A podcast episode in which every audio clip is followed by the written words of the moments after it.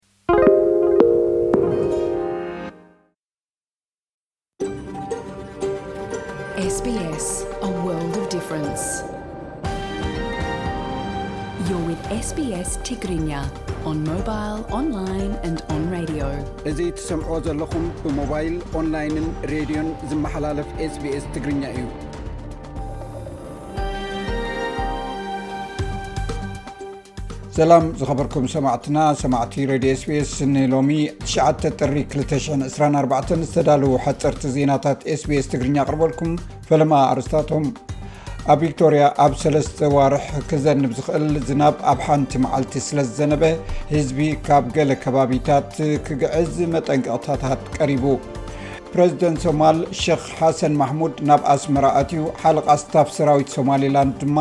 ናብ ኣዲስ ኣበባ ኣትዩ።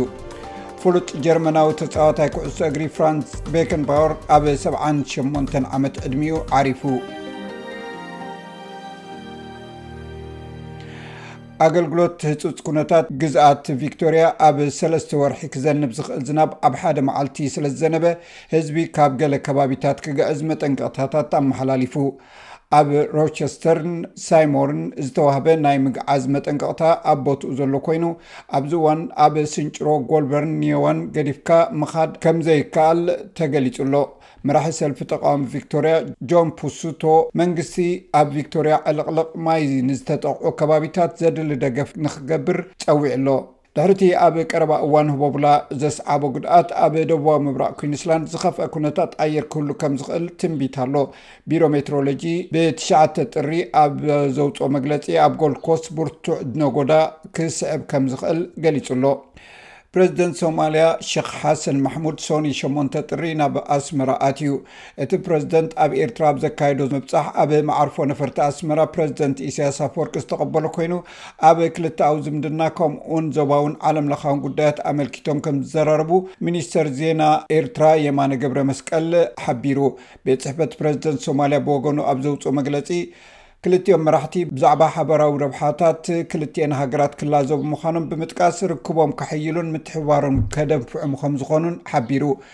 ምብፃሕ ፕረዚደንት ሶማልያ ናብ ኤርትራ ምኽንያቱ እንተዘይተፈልጠ እኳ ኣብ ዝሓለፈ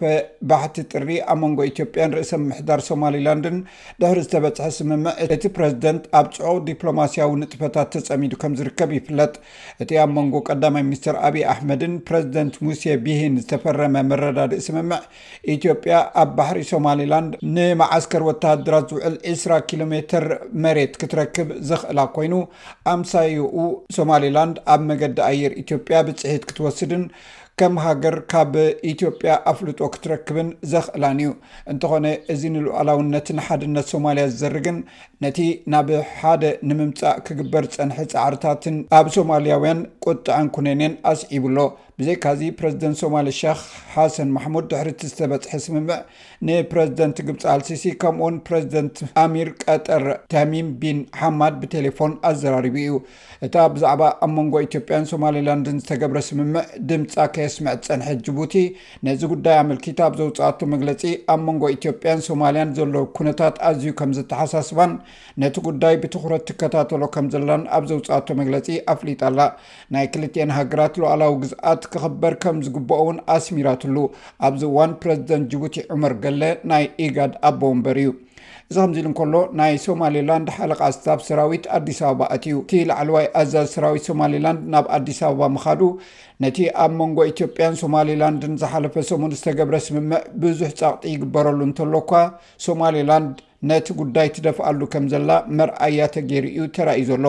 ሓለቓ ስታፍ ሰራዊት ምክልኻል ኢትዮጵያ ፊልድ ማርሻል ብርሃኑ ጁላ ከምኡውን ጠቕላሊ ሓለቓ ስታፍ ሰራዊት ርእሰ ምሕዳር ሶማሊላንድ ሜጀር ጀነራል ኑሕ እስማኤል ታኒ ኣብ ወተሃደራዊ ምትሕብባር ብሓባር ንምስራሕ ተራኺቦም ከም ዝተመያየጡ ሚኒስትሪ ምክልኻል ኢትዮጵያ ኣፍሊጡ ኣሎ። ኣብ ክልል ኣምሓራ ናይ ኢትዮጵያ ዝካየድ ዘሎ ኩናት ቀፂልሉ ኣብ ዘሎ እዋን ዕጡቓት ፋኖ ናብ ከተማ ጎንደር ከም ዝኣተው ተፈሊጡ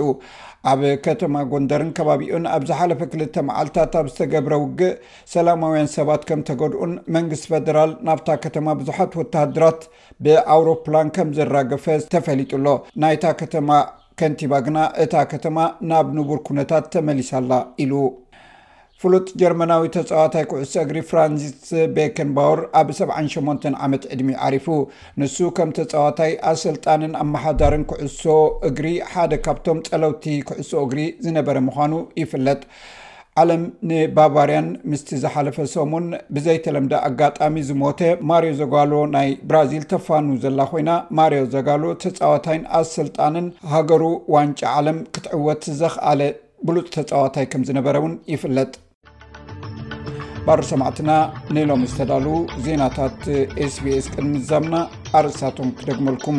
ኣብ ቪክቶርያ ኣብ ሰለስተ ወርሒ ክዘንብ ዝኽእል ዝናብ ኣብ ሓደ መዓልቲ ስለ ዝዘነበ ህዝቢ ካብ ገለ ከባቢታት ክክግዕዝ መጠንቀቕታ ቀሪቡ ፕረዚደንት ሶማልያ ሸክ ሓሰን ማሕሙድ ናብ ኣስመራ ኣትዩ ሓለቓ ስታፍ ሰራዊት ሶማሊላንድ ድማ ናብ ኣዲስ ኣበባ ኣትዩ ፍሉጥ ጀርመናዊ ተፃዋታይ ኩዕሶ እግሪ ፍራንዚስ ቤገን ፓወር ኣብ 78 ዓመት ዕድሚኡ ዓሪፉ እዚ ሬድዮ ስፔስ ብቋንቋ ትግርኛ ዝፍኖ መደብ እዩ